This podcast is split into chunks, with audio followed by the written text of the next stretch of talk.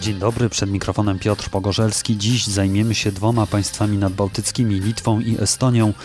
Pierwszym z nich odbyły się niedawno wybory samorządowe, które doprowadziły do dość ciekawych zmian na scenie politycznej, także w polskim kontekście.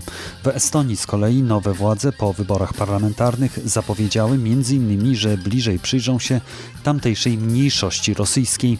Ale zanim zaczniemy, chciałbym serdecznie podziękować wszystkim, którzy wspierają mój podcast na zrzutce i Patronite.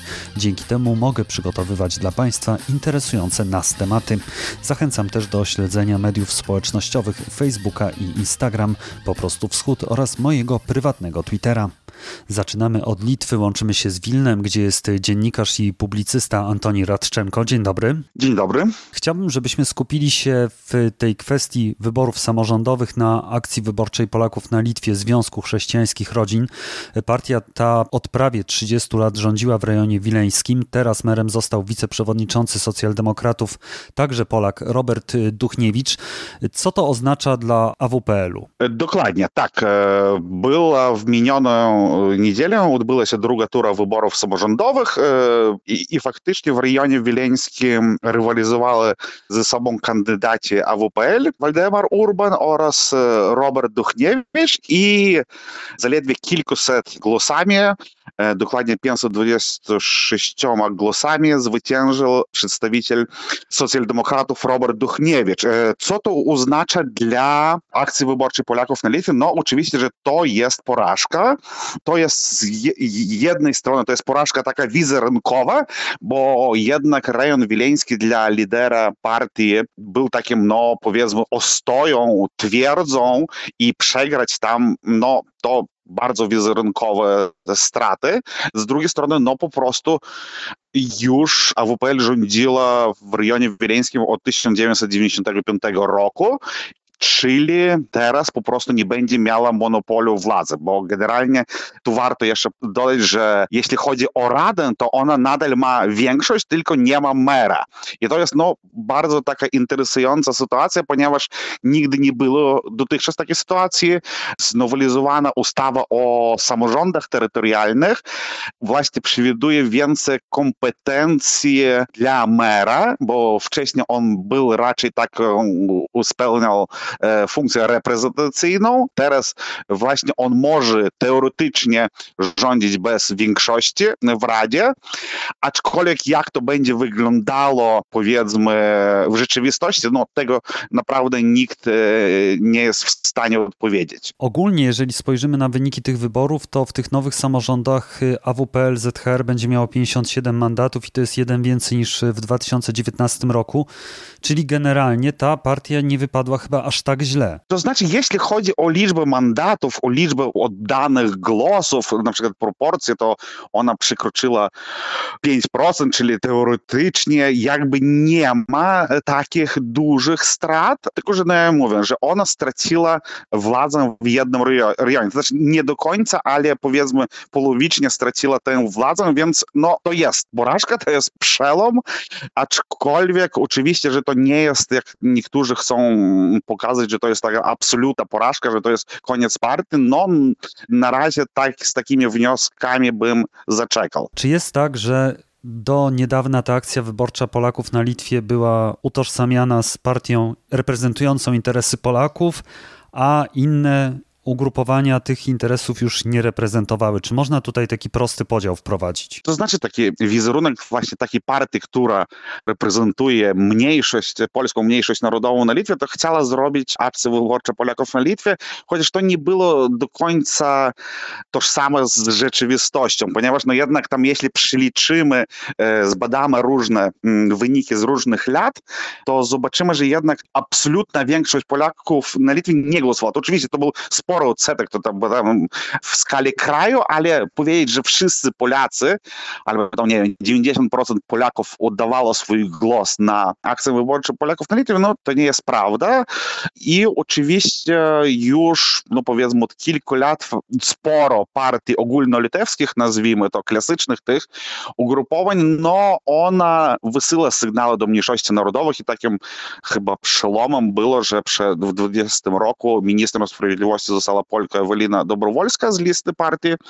Wolności. No właśnie teraz merem rejonu, gdzie tam kilkadziesiąt lat rządziła jedna partia, AWPL, no został socjaldemokrata Robert Duchniewicz. Czyli te dwa przykłady, no oni, one pokazują, że właśnie ta retoryka, ta narracja, że jest tylko jeden e, ugrupowanie polityczne, które reprezentuje interesy konkretnej mniejszości narodowej, no nie są do końca prawdziwe. A może to jest też tak, że ta mniejszość się zmienia, że ta mniejszość już nie chce być taka zamknięta właśnie z tą łatką jakiejś marginalnej grupy, która ma swoją partię, a po prostu ci ludzie czy też wy stajecie się obywatelami po prostu Litwy, którzy wybierają sobie takie partie, jakie pasują wam światopoglądowo. Znaczy, sądzę, że tu zadziałało kilka czynników. Oczywiście, że same Polacy zmieniają się. Ludzie, nie wiem, faktycznie mają różne preferencje polityczne i takie konserwatywna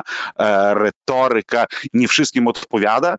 Z drugiej strony, no po prostu ludzie są też znużeni, to jakby druga taka ważna przyczyna, że w tej partii nie widać żadnych zmian.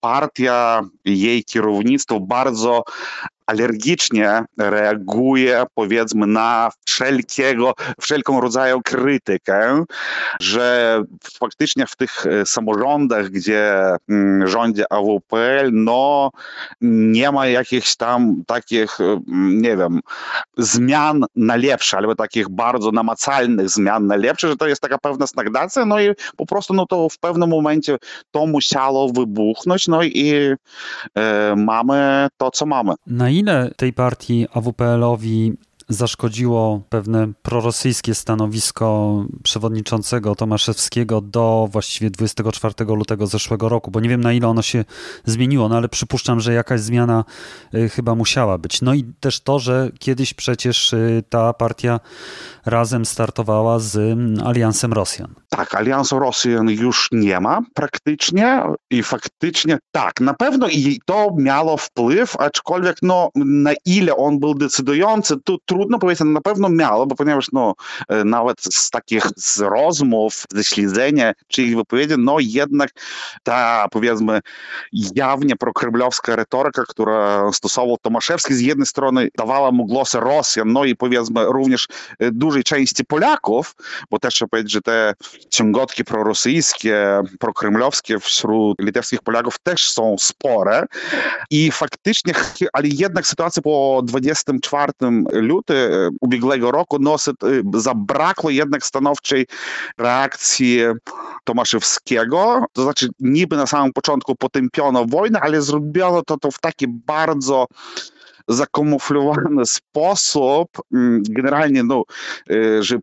dobrze, wojna jest źle, ale nie było takiego no, kategorycznego sprzeciwu wobec rosyjskiej inwazji w Ukrainie. Dzięki temu doszło do takiego rozlamu wewnątrz partii. Partię opuściło szereg takich znanych postaci, jak na przykład posłanka Bata Pitkiewicz, również w regionach, w regionalnych strukturach upuścili tę partię. Także to na pewno również miało wpływ. Jak duży trudno to powiedzieć, ponieważ żadnych badań nie było przeprowadzonych. Rozumiem, że generalnie linia i nastawienie społeczeństwa na Litwie co do wojny, co do tej agresji jest podobne jak w Polsce. Tak, jak najbardziej. No, o tym najlepiej świadczą wszelkiego rodzaju zbiórki pieniędzy, nie wiem, na przykład tam na drony czy na radary i jeszcze jakieś tam na infrastrukturę wojskową w Ukrainie. No to mieliśmy kilka takich spektakularnych, kiedy tam w ciągu kilku dni kilka milionów euro udało się zebrać. Rzeczywiście Litwini, obywatele Litwy byli pierwszymi, którzy zebrali na drona dla Ukraińców i co też było inspiracją dla zbiórki prowadzonej w Polsce przez Sierakowskiego. Dokładnie. A my rozmawialiśmy z dziennikarzem i publicystą Antonim Radczenką prosto z Wilna. Bardzo dziękuję. Dziękuję. Teraz przeniesiemy się na północ do Estonii, gdzie zajmiemy się inną mniejszością rosyjską. Łączymy się z Kazimierzem Popławskim, redaktorem Przeglądu Bałtyckiego. Dzień dobry. Dzień dobry. Trzy partie, które prowadzą po wyborach parlamentarnych w Estonii negocjacje koalicyjne, uzgodniły przynajmniej wstępnie utworzenie stanowiska specjalnego wysłannika rządu. On ma działać w Wirumie Wschodniej, to jest prowincja na graniczącym z Rosją wschodzie kraju, w większości zamieszkana przez Rosjan. Rozumiem, że jest to wstępna decyzja, ale jednak to chyba świadczy o zainteresowaniu nowych, starych władz tym regionem? To jest jeden z tematów toczących się rozmów koalicyjnych, dotyczących utworzenia nowej koalicji po niedawnych wyborach, które się odbyły na początku marca. Faktycznie pojawił się taki temat utworzenia stanowiska przedstawiciela rządu estońskiego w, we wschodniej Wironii, czy Wida Viruma po estońsku, e, która jest zamieszkana w większości, w trzech czwartych cały region jest zamieszkały przez e, mniejszość rosyjską, czy rosyjskojęzyczną. Ta informacja jest związana z pewnymi obawami czy problemami, które tam się pojawiają społecznymi w wschodniej w Narwie. Natomiast nie jest to moim zdaniem nic nowego. Jakby rząd centralny w Estonii właściwie od zawsze e, jest zainteresowany jakby siłą rzeczy integracją mniejszości rosyjskiej e, ze społeczeństwem estońskim. Z tym, że z wypowiedzi, które były cytowane właśnie w tej informacji dotyczącej tego wysłannika, można odnieść wrażenie, że ta mniejszość była przez lata zaniedbana i dopiero teraz właśnie władze centralne w Talinie się chcą nią zająć. No nie jest tak do końca.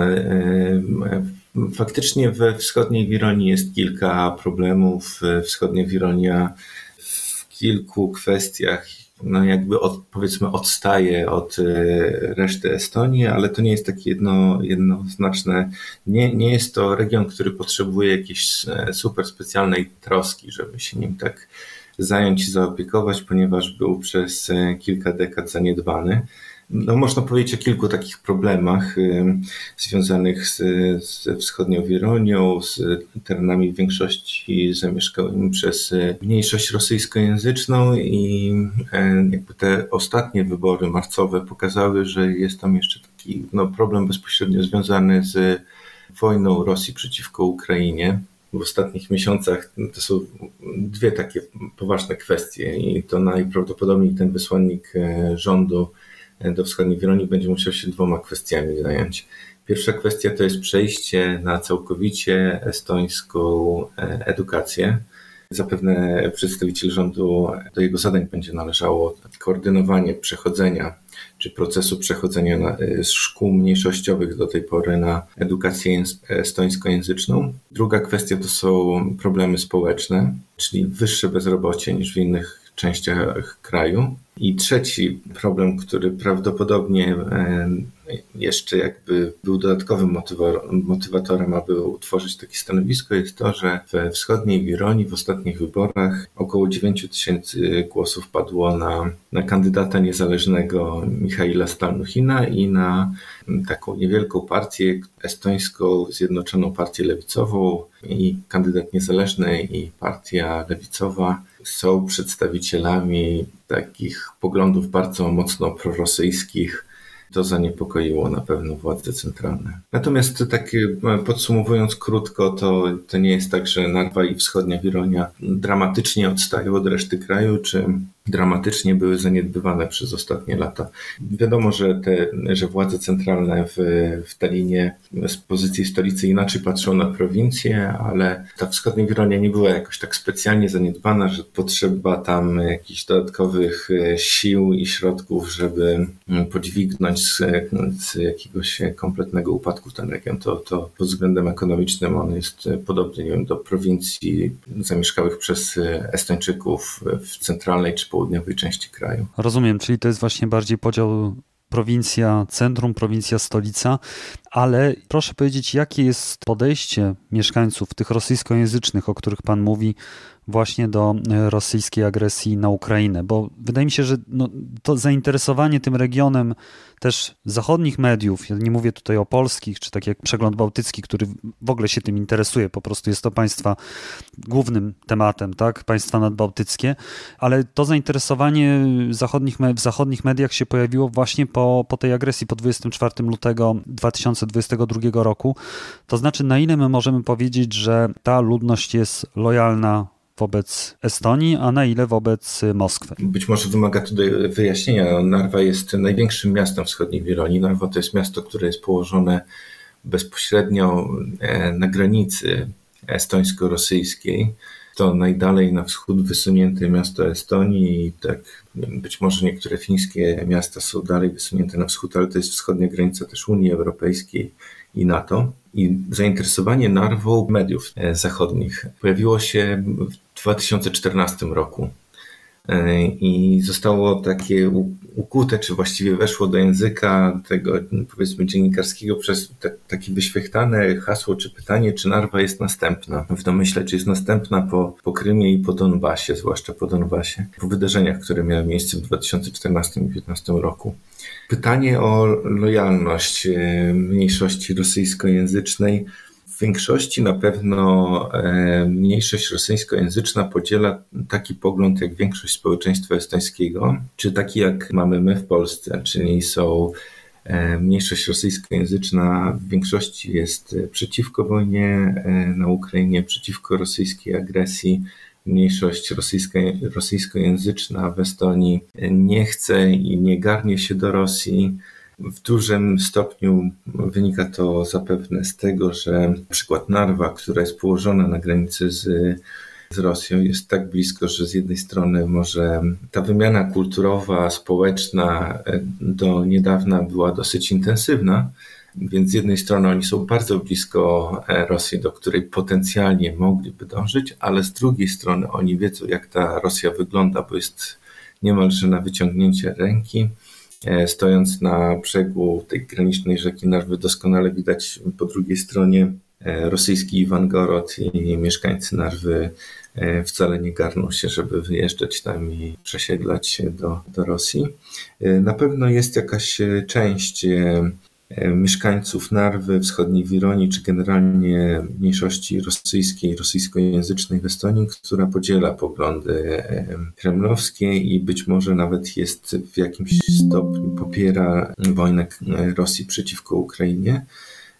W ostatnich wyborach partia lewicowa, o której już wspominałem, i kandydat niezależny Michał Stanuchin, czyli takie osoby, które jednoznacznie wypowiadają się po stronie Rosji, oni zdobyli 8,5 tysiąca głosów, zdobyła partia lewicowa i, i Stalnuchin, więc być może to jest e, jakaś e, miara poparcia wojny Rosji przeciwko Ukrainie.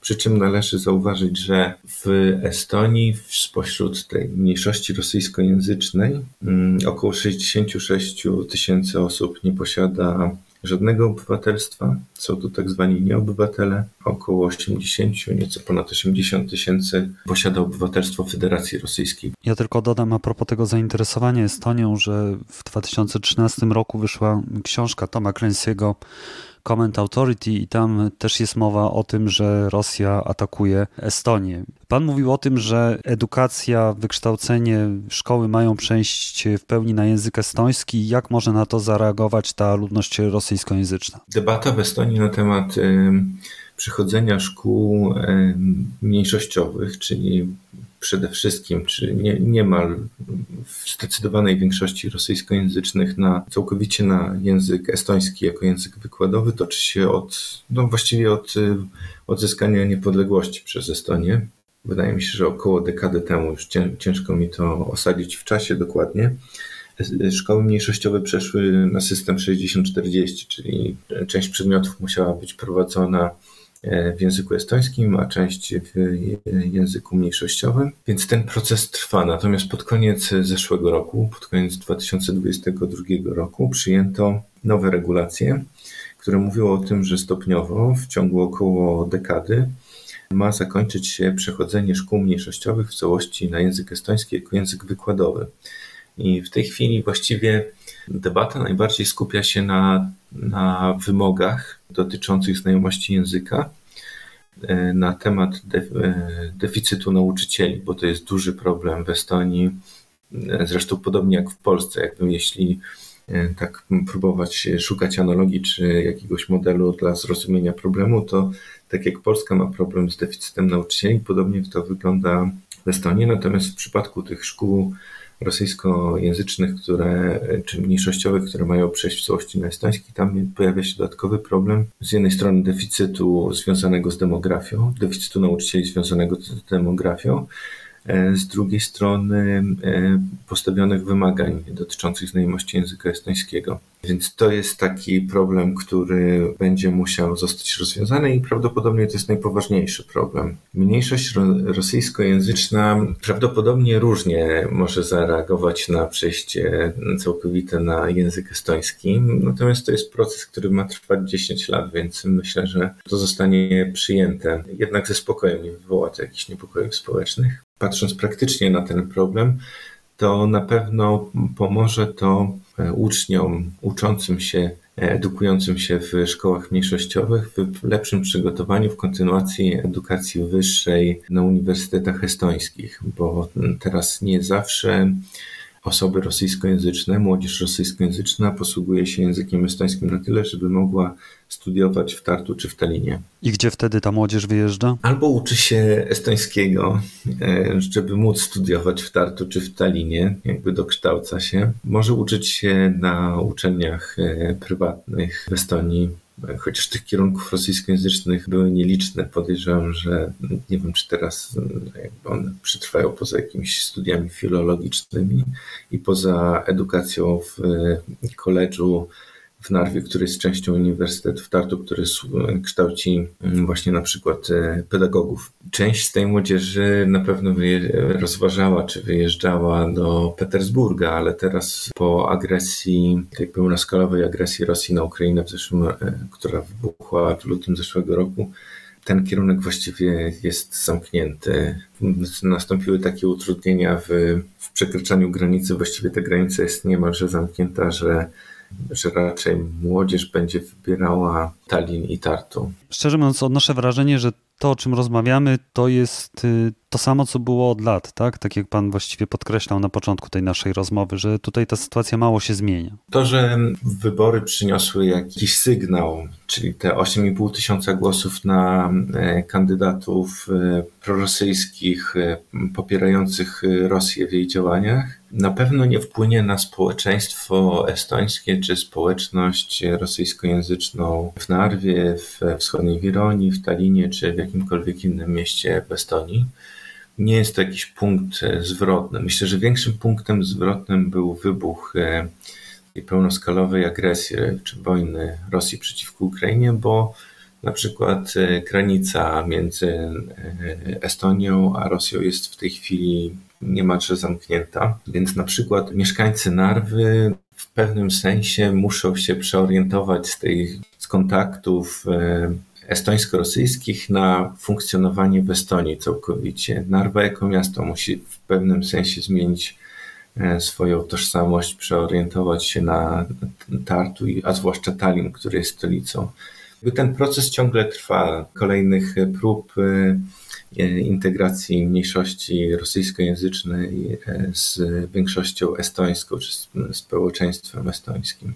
Jakby nie ma tutaj wielkiej rewolucji, moim zdaniem, w tej chwili. To jest proces. Miejmy nadzieję, że ten proces zakończy się rzeczywiście integracją tej mniejszości z, ze Stończykami. Kazimierz Popławski, redaktor Przeglądu Bałtyckiego. Bardzo dziękuję. Dziękuję. Ja przypominam, że podcast Po prostu Wschód można wesprzeć na zrzutce i Patronite. Zachęcam też do zajrzenia na profile na Facebooku i Instagramie oraz na mój prywatny na Twitterze, a także na Spotify, gdzie można posłuchać muzyki w Radiu Wschód. Do usłyszenia, żegna się Piotr Pogorzelski.